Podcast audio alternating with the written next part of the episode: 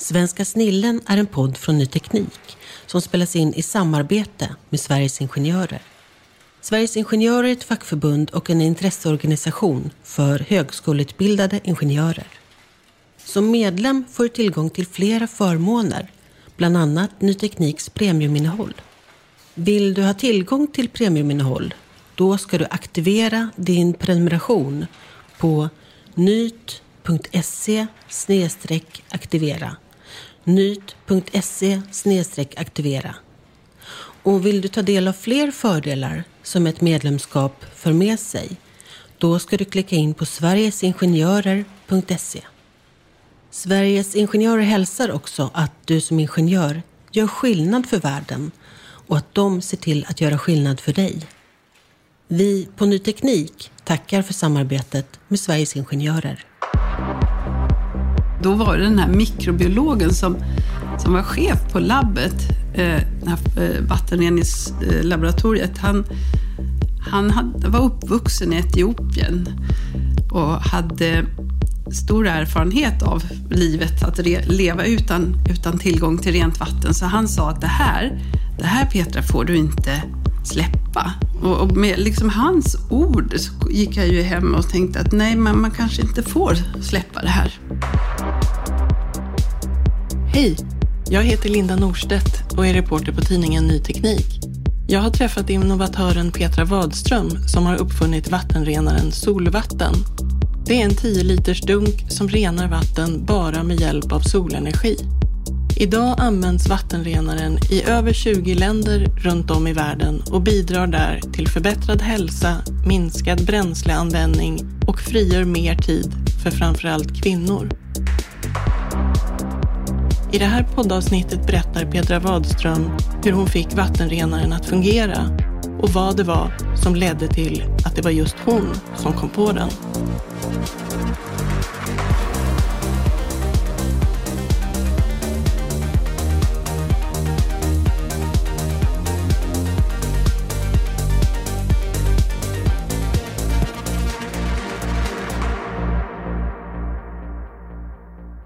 Petra Wadström.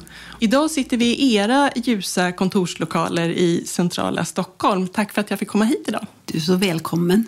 Det ska bli spännande att höra om din resa och hur du kom på den här uppfinningen. Men först tänkte jag eh, fråga, hur många är det idag som har tillgång till rent vatten tack vare dig? Ja, det är väl över en halv miljon människor som, som eh, närmare 600 000 människor i, i många olika länder som använder solvatten. Det är otroligt bra. Ja, från en idé till eh, den verkligheten som vi har nått idag. Det är, ju, det är stort, men det är, tyvärr är behovet ännu, ännu, ännu större. Men du, eh, om jag ställer frågan så här då. Varför blev det just du som löste det här problemet och uppfann solvattenrenaren?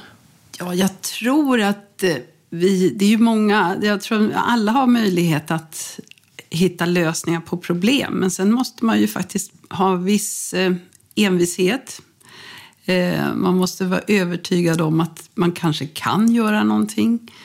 Eh, så därför så tror jag att jag, jag tog på mig det här. Det är ju helt självpåtaget att, att ha gått vidare med min idé solvatten där. Så att, Eh, ja, jag, jag, jag, kan bara säga att det, det, behövs både, både nyfikenhet och envishet och, och tro på att man kan komma med, med en lösning.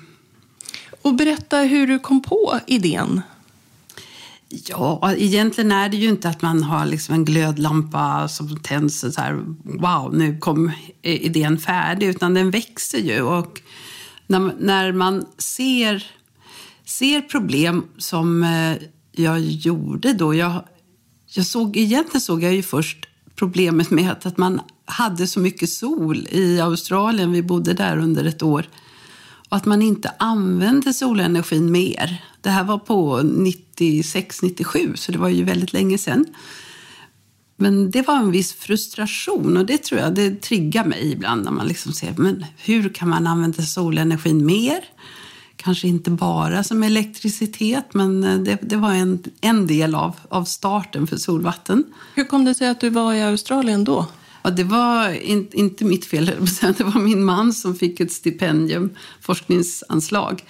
Och då kom vi hela familjen, alla fyra barn och, och, och jag fick också följa med. Så där var vi ett år. Där jobbade jag mest med, med eh, Eh, bild, grafik. Jag jobbar med aboriginska kvinnor eh, och eh, lärde ut grafik. Hur man kan kanske försörja sig på att reproducera sin konst och göra fler bilder. Så det var ett intressant år för mig också. Men hur kopplade du ihop tillgången på solenergi till behovet att, att rena smutsigt vatten?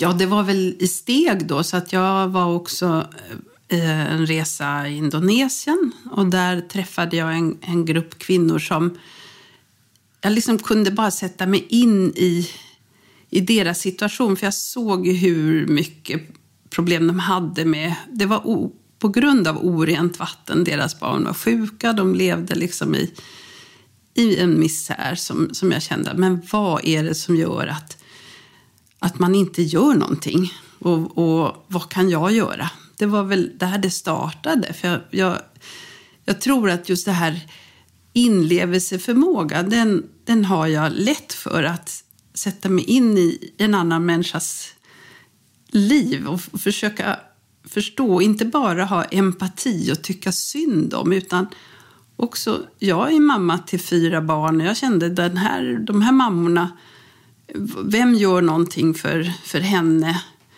eh, och, eller för dem? Och, och kan man liksom skapa någon sorts redskap som gör att de inte är så bero, beroende av hjälp, av någon annan kommer och hjälper, utan att man kan en, en sorts självständighet också. Så det var väl det som gjorde att jag hem och bygga prototyper i, garaget.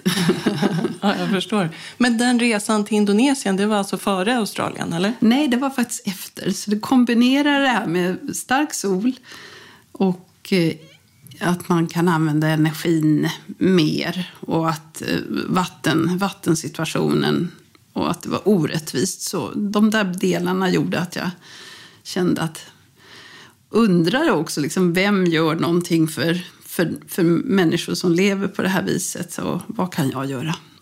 Men när du beskriver det så låter det ju ganska enkelt. Ja, så ställde jag mig i garaget och började experimentera. Men det måste ju ha varit ett ganska stort steg att faktiskt börja testa. Ja, det, det var det ju. Eh, för att jag har en bakgrund som forskningsassistent eh, och inriktning på biokemi och molekylarbiologi. Och jobbade eh, under sex år i Basel på forskningsinstitut där på universitetet. Och då var det just tidig DNA-forskning. Och att eh, just mutationer av DNA, och det var oerhört intressant forskning och vara med i det tänket. Att, liksom att tidig forskning eh, kring ett så stort intressant ämne. Samtidigt gick jag på konstskola på kvällarna. så jag är lite kluven. Men det där, just det där att, att hitta nya vägar framåt. Och då ser jag ju forskning och, och konst ganska, ha, är besläktade ganska mycket. Men konsten gör ju också att man har en större frihet. Forskningen är ju oftast att man följer en en eh, forsknings... Man kanske har en professor som, som håller i, i det man ska göra och utföra. Eh, men, men med konsten så är man ju mer självständig och kan vända upp och ner på, ehm, på, på lösningar och se saker ja, verkligen upp och ner och, och från andra vinklar och sådär. Så, så det är väl där jag tror eh, mötet mellan forskning och konst är ju spännande. Men, men att, att få använda sig av det känns en viktig del för, för min del. Varför? Och sen är jag ju väldigt praktisk sådär. Jag älskar och, och eh, att göra att praktiskt genomföra det som jag ser som om det är ett problem, då måste jag ju testa vad det är för någonting. Men kan du beskriva hur du gick tillväga då där i garaget? Hur, hur testade du? Ja, framförallt så var det ju eh, att använda sig av solen, att få upp värmen av solen. Eh, så att jag testade olika material. Så jag byggde olika små boxar. Och sen att se skillnader. När, om det är reflektioner och eh, vad för olika plaster. Och då är väl genomsläpplighet på UV-ljus. Så där hamnade jag in i en, en liksom ett, att det var väldigt stora skillnader på det jag hade byggt. Och, och med det så ville jag ju läsa vidare om det och då kom jag in på WHO och hade en eh, ganska tjock skrift om vattenrening i världen och olika typer.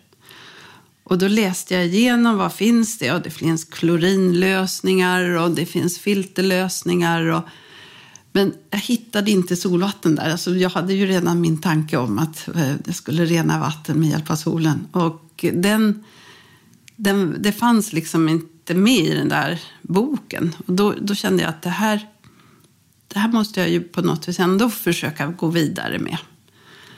Så då blev det att jag bodde, bor i Roslagen och jag hade kontakt med många av, av finmekaniska verkstäder och vakuumfabriken på Ingmarsö. Och jag åkte runt och fick hjälp att göra mina första prototypserie. Och där bad jag då reningsverk eh, att eh, testa eh, och sätta dit E. coli i, i, eh, mina första prototypbehållare. Och, och så visade sig att eh, det var alldeles rent. De hade satt dit 200 000 E. coli. Och då, då blev jag liksom så... Ja, först blir man ju Eh, förvånad, men samtidigt blir man så eh, glad. Men sen måste man ju tänka, men oj, nu måste jag göra någonting. Och då var det den här mikrobiologen som som var chef på labbet, eh, vattenreningslaboratoriet, han, han var uppvuxen i Etiopien och hade stor erfarenhet av livet, att leva utan, utan tillgång till rent vatten. Så han sa att det här, det här Petra får du inte släppa.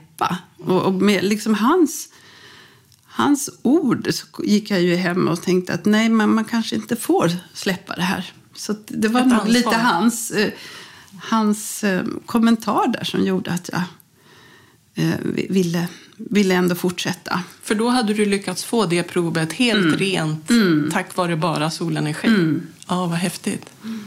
Men nu har du en produkt med, som ser ut ungefär som en svart plastdunk. Kan jag ta ner den där? Absolut, absolut.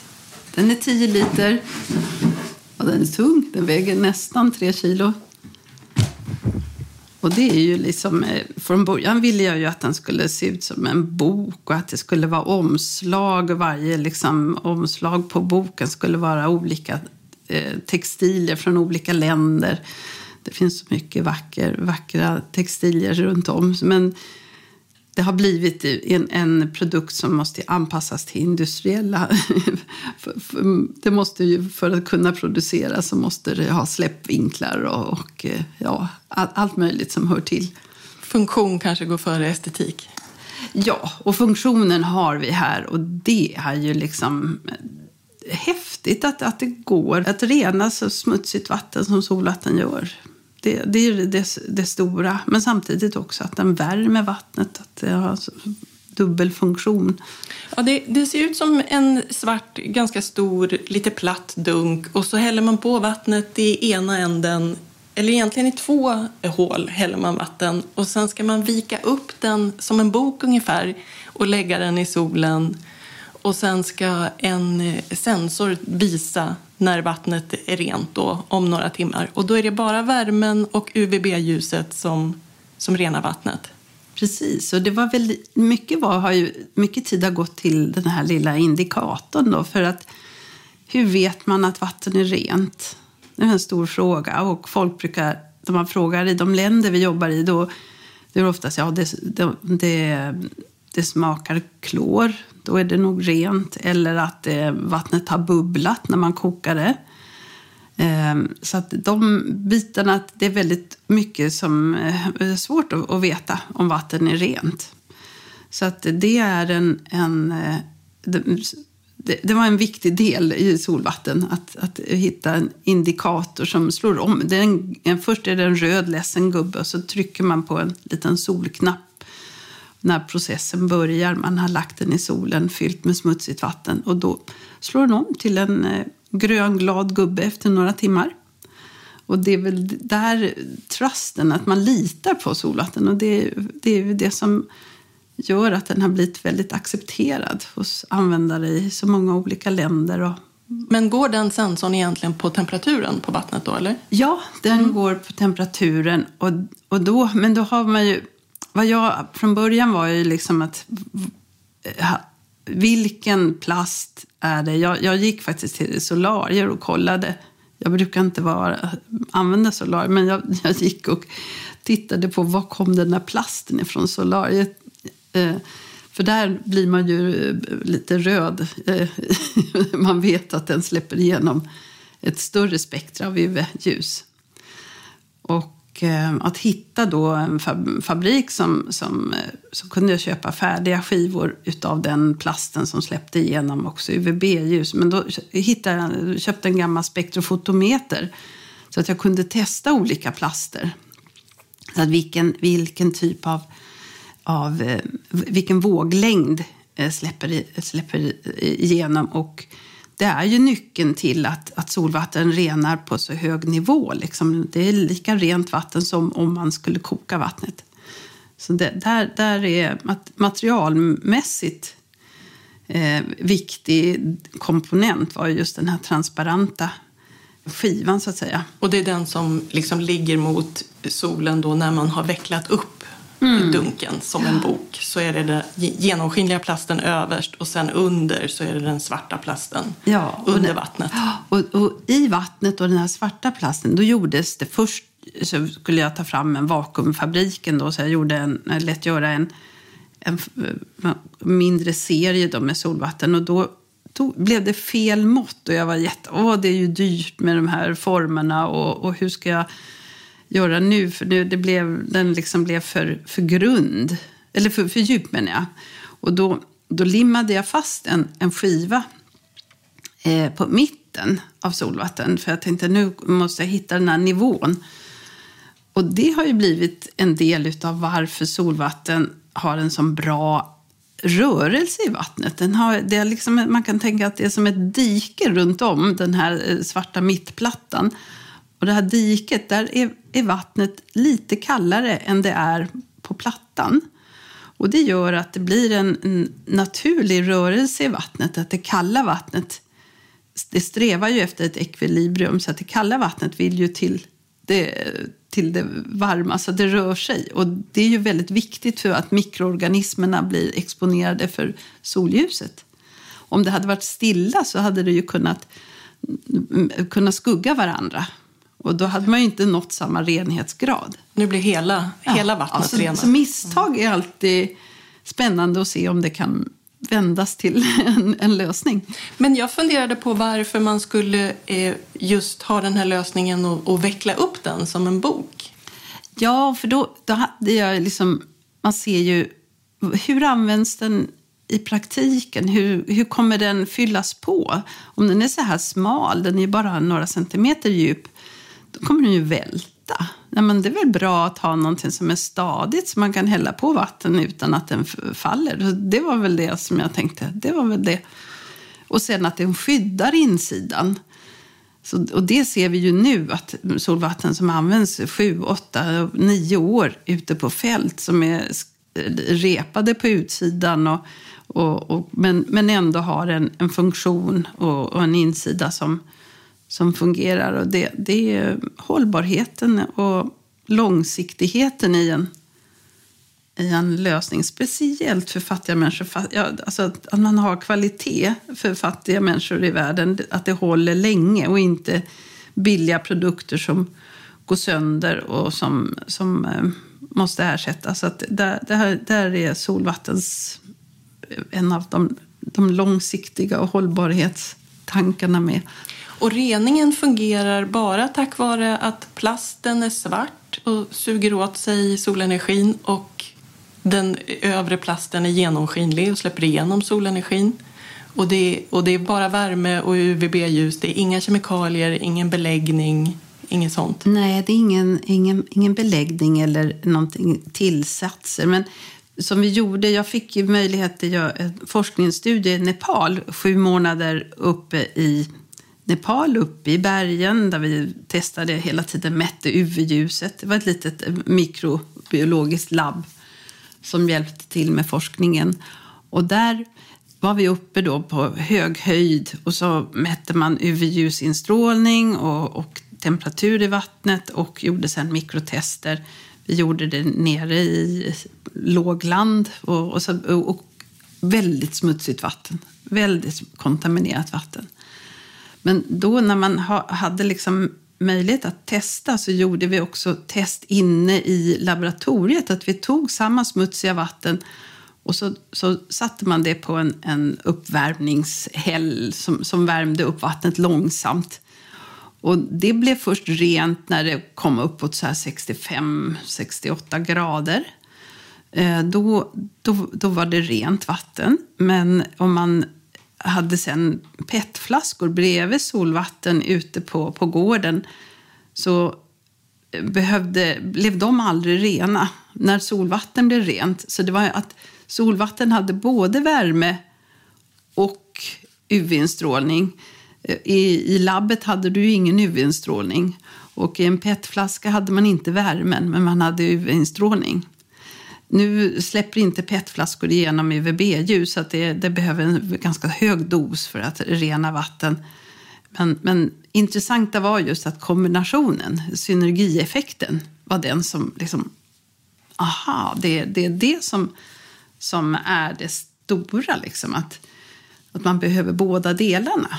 Men det är ju väldigt, en väldigt fiffig lösning. Ja, det är det faktiskt. Och det går ju att se värdena mer att, att vad vi förstår när vi tittar på eh, vad som är gjort i vetenskapen och så, så ser man ju att en cell eller en, en mikroorganism har ju ett, ett, en cellmembran. Och det, vad vi ser, vad vi, vår teori i, i solvatten är ju att, att cellmembranet blir uppluckrat av värmen. Det blir lite mer fragilt. Och UV-ljuset har då lätt lättare att komma in i cellkärnan och störa DNA-koden.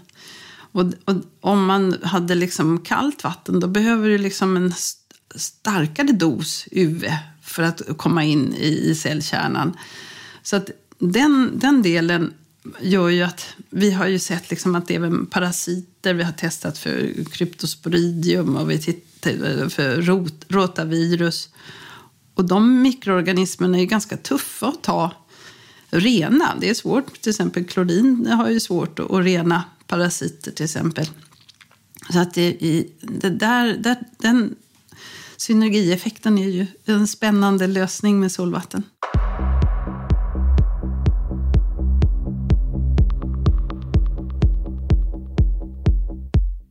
Ni räknar med att eh, en sån här dunk eh, har en livslängd på ungefär 7 till 10 år?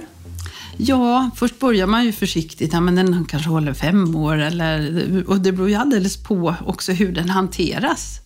Så självklart kan solvatten gå sönder om det, någon står och stampar på den eller, eller man tappar den och har den full med vatten. Men, men den sköts om och den, folk är rädda om dem. De är liksom en värdesak för familjen. Och därför ser vi att många frågar, liksom, kan du inte göra den större? Ja, men vad förlorar vi och vad vinner vi? Om en, en solvatten som är 30 liter istället för den som vi har nu, 10 liter. Om man har 30 eller 50 liter, då måste man ju ha ett tak som eh, håller. Man måste ha kommit så långt i, i att man har en, ett, en vattenledning så man kan pumpa upp vatten. Eh, hade man haft den på marken då är den ju stor, svår att flytta. Den är tung och den tar plats. En, en solvatten har ju en möjlighet att producera uppåt ja, tre, fyra gånger om dagen, så uppåt 40 liter rent varmt vatten.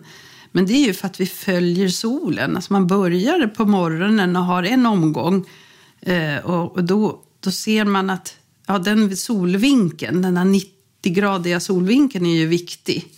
Och då har solvatten ett litet hjälpmedel i sig. Den har en ring inuti. Och den, om skuggan kommer precis under ringen då har man 90 grader mot solen. Och det är en perfekt för att få in så mycket energi som möjligt. Och sen äh, häller man det vattnet kanske i en termos eller man använder det för eh, fort, matlagning, att man använder det där förvärmda rena vattnet. Och så fyller man på igen. Och det, det där kan man göra några gånger om dagen. Medan en stor lösning måste ju ha ett, som sagt, ett stabilt tak. Man förlorar en hel del av vinkeln mot solen om man inte kan flytta den. Utan man kanske förlorar x antal procent för att den har en stabil vinkel. Och samtidigt som sagt måste man ha, ha ett hem som, som också har en vattenledning och en pump och så. Men jag har förstått det också som att ni eh, gärna riktar er till just kvinnor och vill ha en mobil lösning. Alltså det ska gå att bära dunken full med vatten till mm. ett bra ställe där man kan lägga upp den i solen. Ja, och det är precis, du kommer tillbaka till Indonesien och kvinnorna där, att, att det är de som, som har ansvaret oftast för att få rent vatten i familjen. Och kan man då ta med sig solvatten ut om man har ett, ett fält man jobbar och har, planterar, eller man, då kan man ha solvatten med sig. Men man kan ju också ta med sig solvatten in på kvällen. Så att, att, risken för stöld och så måste man ju tänka på att, att den, den, går att, nej men den, är, och den går att bära och det går att bära för barnen. Och, och, man klarar av den, att sköta den, liksom. att det inte ska vara så avancerat. Där, där ser jag som konst, konstnärliga aspekten i att ha en, en, en innovation, en lösning som är avskalad utan att krångla till det. För det finns oerhört mycket avancerade lösningar men som ofta kräver en, en utbildad person att klara av att hantera. Men kan man ha en lösning som eh, går lätt att använda och, och som sagt hållbar, då, då, är det ju mer liksom, ämnat för dem som, som jag tänkte på från början. Och vad blir då vinsten för de familjer som, som har en, en solvattenrenare? Ja, det första är ju hälsan. Det, det är väl att många gånger så är det ju barnen som, som är känsliga, de här små barnen. Det är många solvatten som går till mammor, nyblivna mammor med nyfödda bebisar. Och det är ju en väldigt farlig tid för en bebis, nyföddhetstiden och för infektioner och så.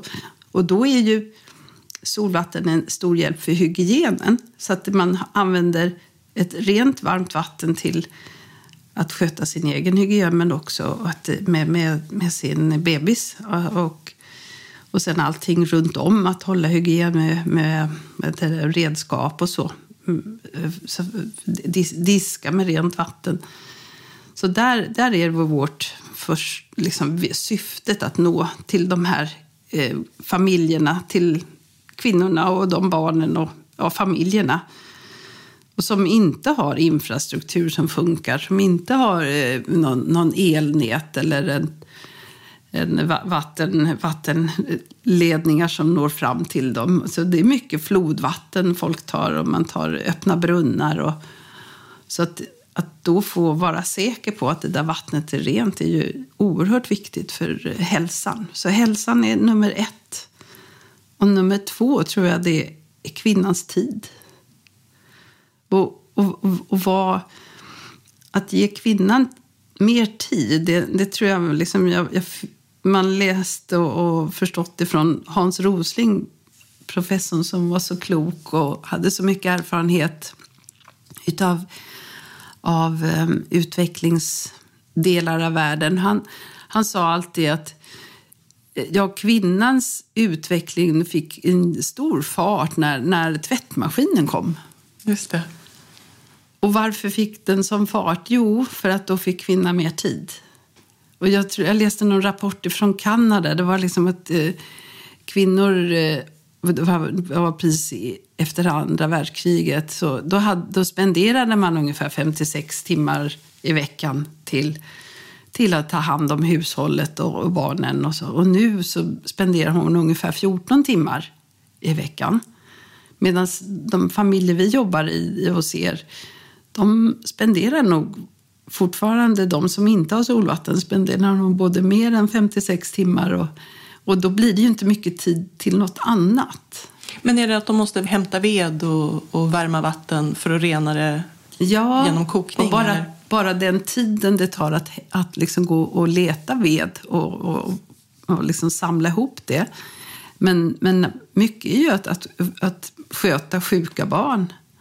Att, att om barnen är sjuka, och då är det oftast att stora systrarna får vara hemma och hjälpa mamma.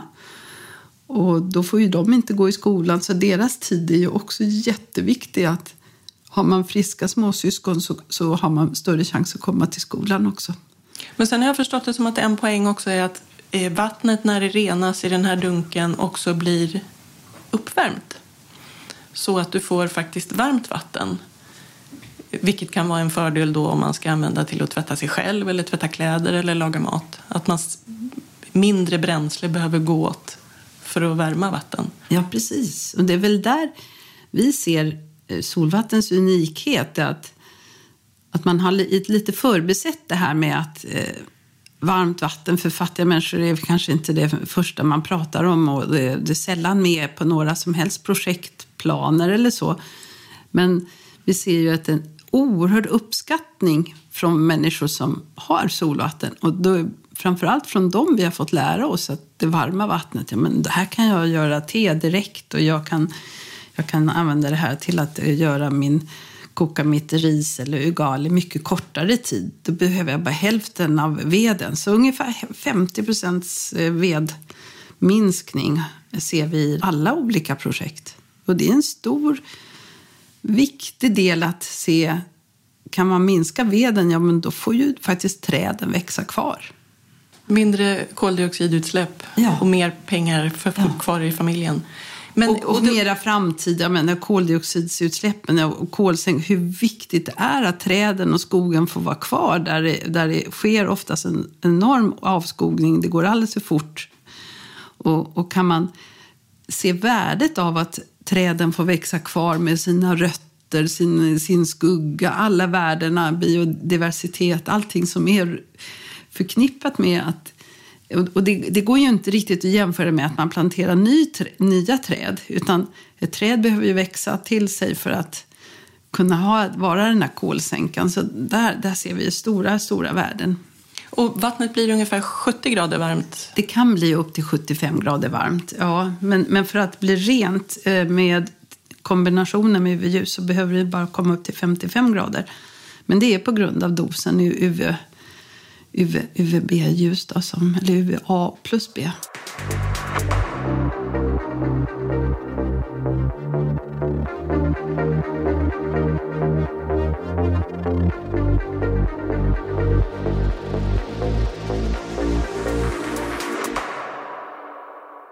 Men jag blir lite nyfiken på din bakgrund. Du sa att du, du eh, utbildade dig till forskningsassistent inom biokemi och jobbade som det också. Vad gjorde du då? Ja, det var jag som sagt i, i Basel i, i Schweiz och, och eh, jobbade i ett in, intressant forskningsteam eh, och, och tidig DNA-forskning. Eh, eh, eh, en av, av våra forskare där i teamet fick Nobelpriset här nu 2018. Det är faktiskt den andra som får Nobelpriset i det lilla teamet jag jobbade i. Så det var Nämen. roligt. Jag fick kontakt med den. eller Jacques Dubochet hette han. Han fick Nobelpriset nu för att eh, han jobbade i elektronmikroskopet. Även då när vi, när vi träffades och jobbade tillsammans så var han duktig på elektronmikroskop och ta bilder. Men nu hade han, har han hittat på en, liksom en lösning med att eh, frysa molekylerna så att man får en 3D-bild. Så någon sorts kryobild. Så det är jätteintressant. Du har kontakt och han är också väldigt supportive för solvatten och så. Så det är roligt. Vad kul. Mm. Men det är ganska ovanligt med kvinnliga uppfinnare. Eh, Man brukar säga att det finns mellan 13 till 16 procent eh, kvinnliga uppfinnare i, beroende på om man tittar i Europa eller världen. Hur, hur har det varit för dig att vara både uppfinnare och kvinna? Ja, det har, jag har inte tänkt så mycket på just att jag är kvinna utan jag, jag har tänkt på den eh, bra, bra, idé, bra idéer. Liksom. Men sen så klart att jag reflekterar över att, att det är bra att kanske vara ett positivt exempel. Att man kan inspirera andra att, att det går. Att man inte ska vara ja, rädd för att misslyckas eller så. Utan att ta tag i, i, i goda idéer och tankar. Så, så, så ja, gärna um, inspirera andra att våga. Men du har inte eh, råkat ut för särskilt eh, svåra motgångar, tror du, just på grund av att du är kvinna? Nej, det ska jag inte säga. Det, det tycker jag inte. Utan jag till exempel var nere nu i, i våran... Eh, ja, vi var nere i Kenya och besökte lite olika våra projekt. Och där känner jag så här, men vad, vad roligt. Jag är ju gammal nu. Jag borde ju ha slutat att jobba för länge sedan. Men att få komma till familjer och jag är, eh, jag är, idag är jag 71 år och jag har grått hår och jag, och jag träffar de här familjerna och jag berättar att, att eh, jag har tio barnbarn och det, det imponerar så. Och de är så glada och de tycker, ja, mamma solvatten, då är jag ju mormor solvatten nu för tiden. Men, och jag tror att det är eh, uppskattningen av att det faktiskt, man kan fortsätta att jobba och göra saker utan att... Eh, och det har varit en öppning och en vänlig och värme från, från de familjer vi jobbar. Ja, vad härligt. Men eh, ni tillverkar den här solvattendunken på en fabrik i Skåne.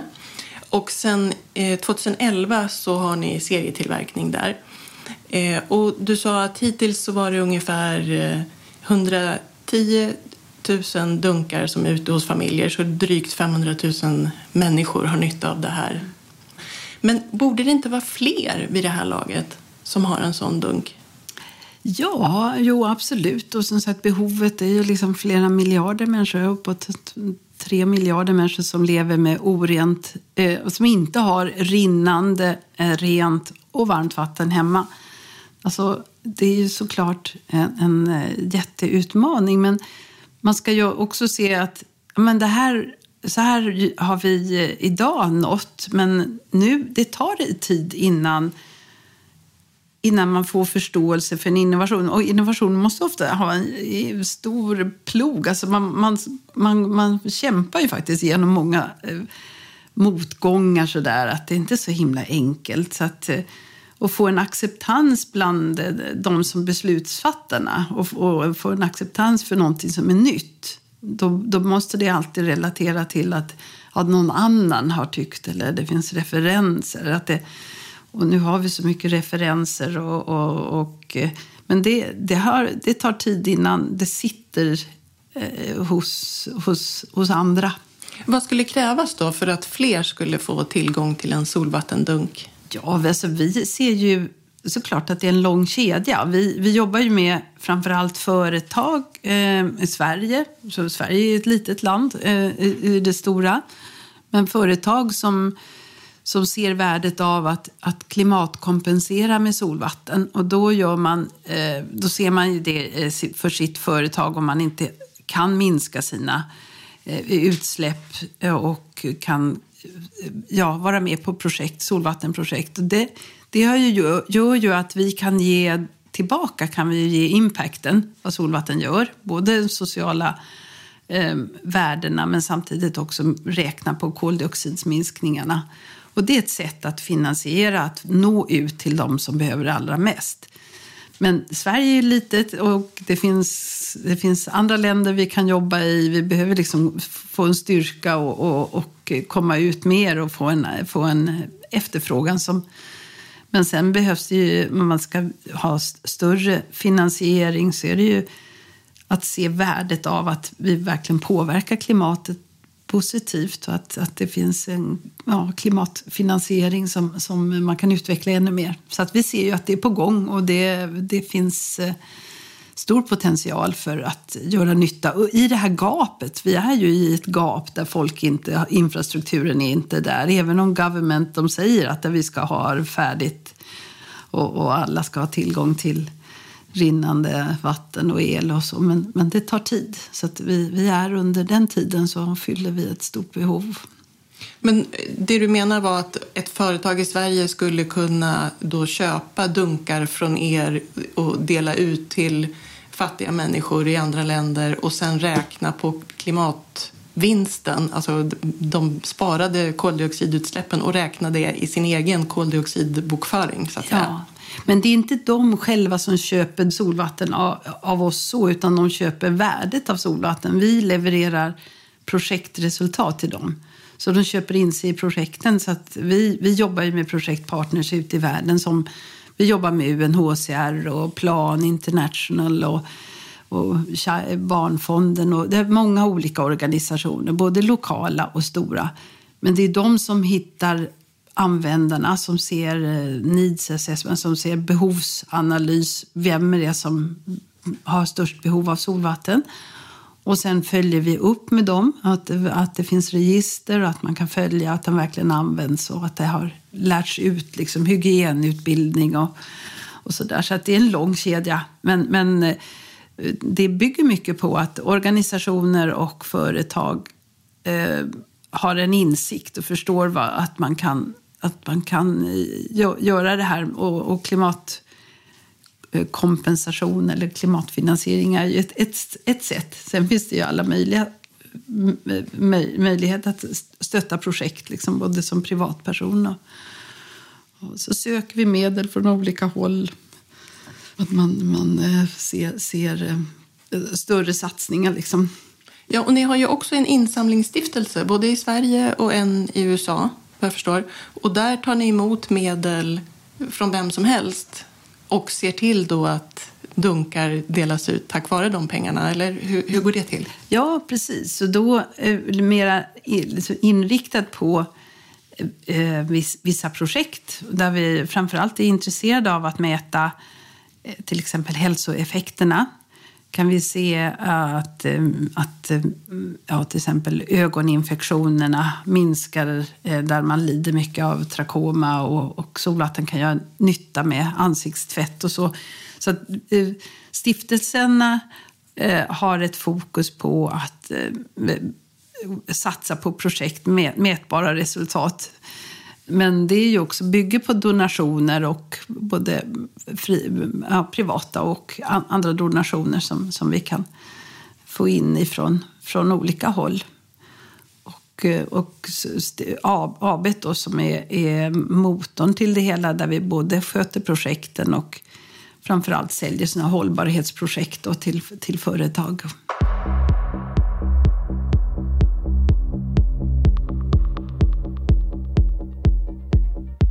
Du har ju fått väldigt många fina priser på grund av den här uppfinningen. Du, du fick till exempel Polhemspriset 2013 och KTHs stora pris eh, 2022. Och båda motiveringarna lyfter fram att konstruktionen är enkel men genial. Och KTH-prisets motivering trycker också på att rent vatten är livsviktigt och att du med den här innovationen har förändrat livet för många människor, inte minst kvinnor, och att du är envis. Och det stämmer va? Ja, det stämmer. det är väldigt fina ord. Ja, det är fantastiskt. Ja, det är så, så uppskattande så att man... Ja, man, man jag tårögd när jag fick besked. Eh, det, det är väldigt stort. Finns det något pris som du är extra glad för, lite mer än alla de andra? Ja, kanske det där första... Ska jag fick ett pris när, alldeles i början, Skapa-priset. Och då var det just på Tekniska mässan i, i Stockholm, Älvsjö. Och det var massor av män.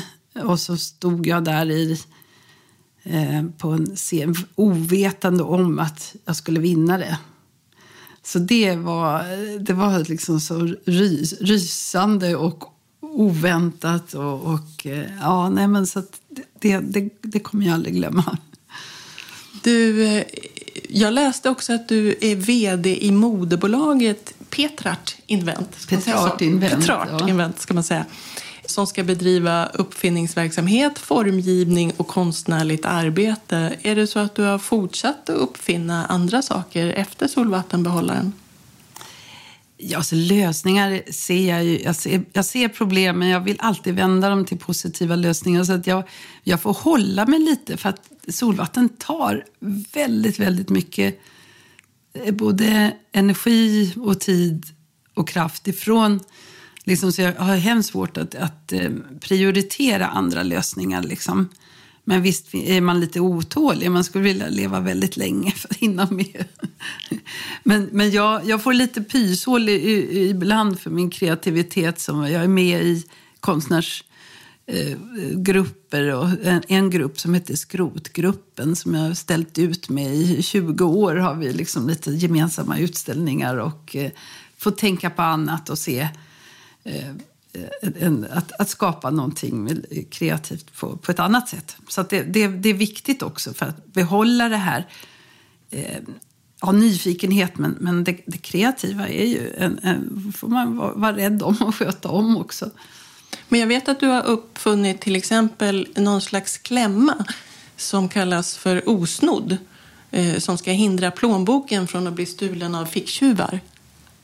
Ja, nej, men den, den var hjälp hjälpte mig att finansiera första delen av solvatten. För jag hade ju svårt att få något stöd för solvatten. Så att jag var jätte, då, hade jag lite fokus på att ja, men jag måste ju få, få någon sorts intäkt. Så att, eh, men det var inte därför solva, eller osnodden kom. Utan osnodden kom som en idé och som jag väldigt praktiskt eh, att, att minska lidande tyckte jag för, för framförallt äldre, äldre människor som, som fick sig, blev bestulna utan att veta om det. Och liksom, då kände jag, men hur ska man lura en ficktjuv?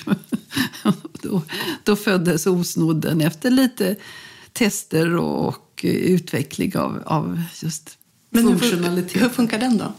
Nej, men det är egentligen jag, att, eh, två, två starka klämmor och, som man kan fästa i sin, sin plånbok och sin väska. Aha. Och så ska de hålla ett visst tryck. Så jag provade med en potatissäck hemma. Liksom hur mycket, mycket ryck ska det här klara? Vilken kraft måste klämman ha? Så att jag fick tillverka, specialtillverka klämmor som höll. Men samtidigt skulle det vara en flexibilitet så att man kan använda sig av olika väskor och olika situationer. Eh, så den har varit en stor hjälp faktiskt för Solvatten. Att den, att den fanns med och eh, gjorde nytta och såldes runt. Säljs den fortfarande? Ja, det gör den faktiskt. Ja, vad roligt. Ja, ja. Men idag finns Solvatten eh, ute hos jättemånga människor och ger rent vatten till dem. Du har fått massor av priser. Men finns det några frustrationsmoment hos dig idag?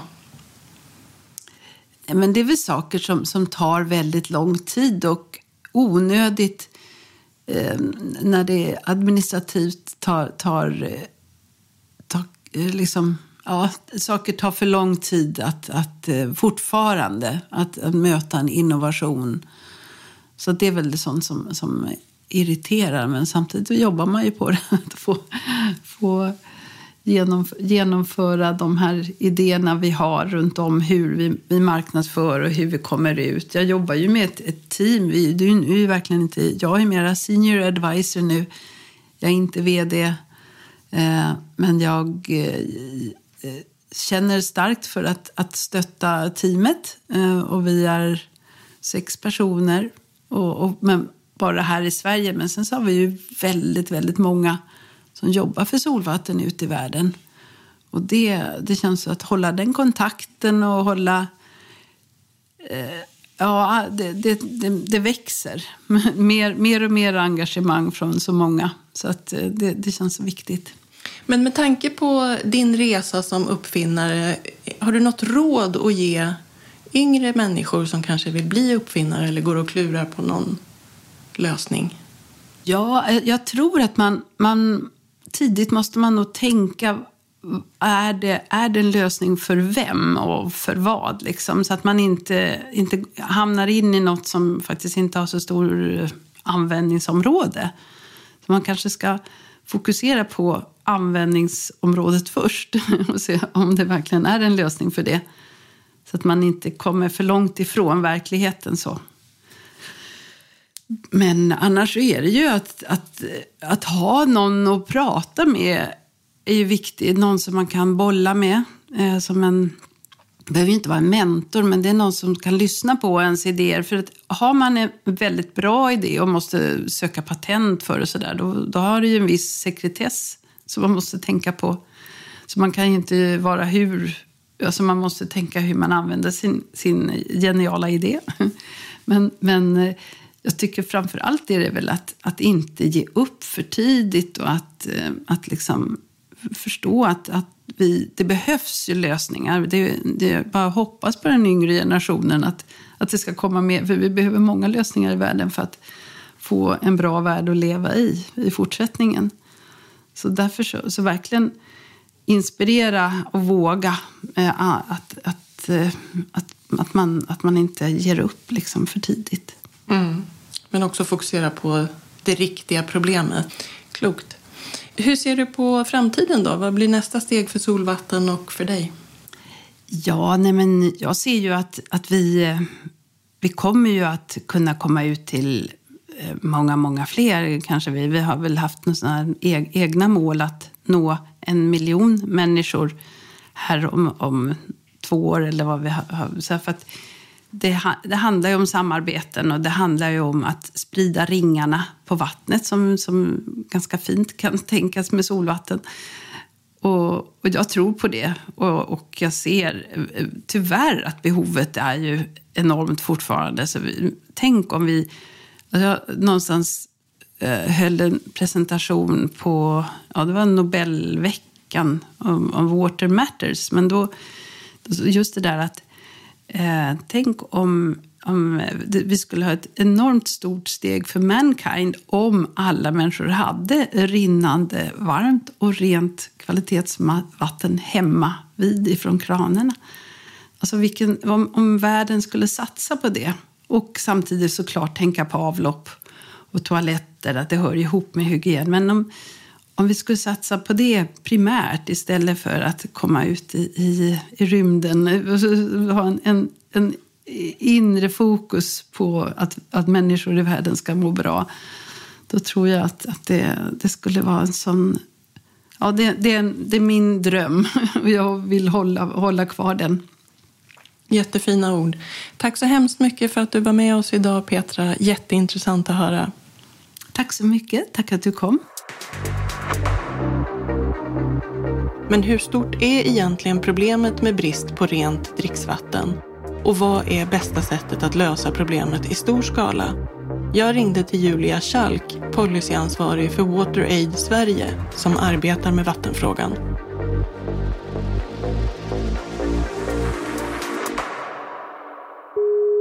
Hej Julia, välkommen till podden. Tack så mycket. Hur många människor i världen saknar tillgång till rent vatten idag? Det pågår ju en stor vattenkris globalt runt om i världen som förvärras av klimatkrisen. Eh, och så det vi ser det är att ungefär 771 miljoner människor saknar helt tillgång till rent vatten. Det innebär alltså att de inte kan få tag på det. De tvingas dricka smutsigt vatten, de tvingas tvätta sig med smutsigt vatten, de tvingas laga mat med smutsigt vatten. Sen finns det en ännu större grupp eh, och då räknar vi med ungefär två miljarder människor. De här människorna kan få tillgång till rent vatten men de har det inte nära hemmet. Så ofta är det så att man kan tvingas gå då flera timmar om dagen för att få tillgång till rent vatten. Och det skapar ju naturligtvis oerhörda katastrofer och lidande i form av ohälsa och död. Ungefär 800 barn dör varje dag i diarrésjukdomar som är en konsekvens av att man då inte har tillgång till rent vatten. Det är fruktansvärt. Men du, var i världen är problemet som störst? Ja, vattenkrisen pågår ju överallt. Jag kan slå vad om att vi i sommar här i Sverige kommer få rapporter kring översvämningar eller torka runt om, runt om i Sverige. Men det är ju naturligtvis så att i länder där människor lever i fattigdom och som kanske dessutom då drabbas av de här väderrelaterade konsekvenserna av klimatkrisen som översvämningar eller torka, där drabbas man ju som värst. Så i länder, alltså de som räknas då som låginkomstländer eh, eller som, som då lever med, med stora med översvämningar eller torka, där är det som värst. Så WaterAid jobbar till exempel i Bangladesh och Somalia eller Madagaskar och det här är exempel på länder som blir dubbelt drabbade så att säga, både fattigdom och eh, antingen då översvämningar eller torka. Jag har träffat Petra Wadström som har uppfunnit den här vattenredaren Solvatten som bara behöver solenergi för att rena vatten. Hur ser ni på WaterAid på, på den lösningen? Alltså, vi behöver, det här är en sån global vattenkris som pågår. Vi behöver alla människor som är villiga att använda sina hjärnor och eh, innovationsförmåga för att hitta nya lösningar. Sen ser vi att det finns olika lösningar som funkar i olika kontexter och solvatten funkar ju i en kontext och en superbra, liksom, rimlig lösning i den kontexten, kanske då med krissituationer.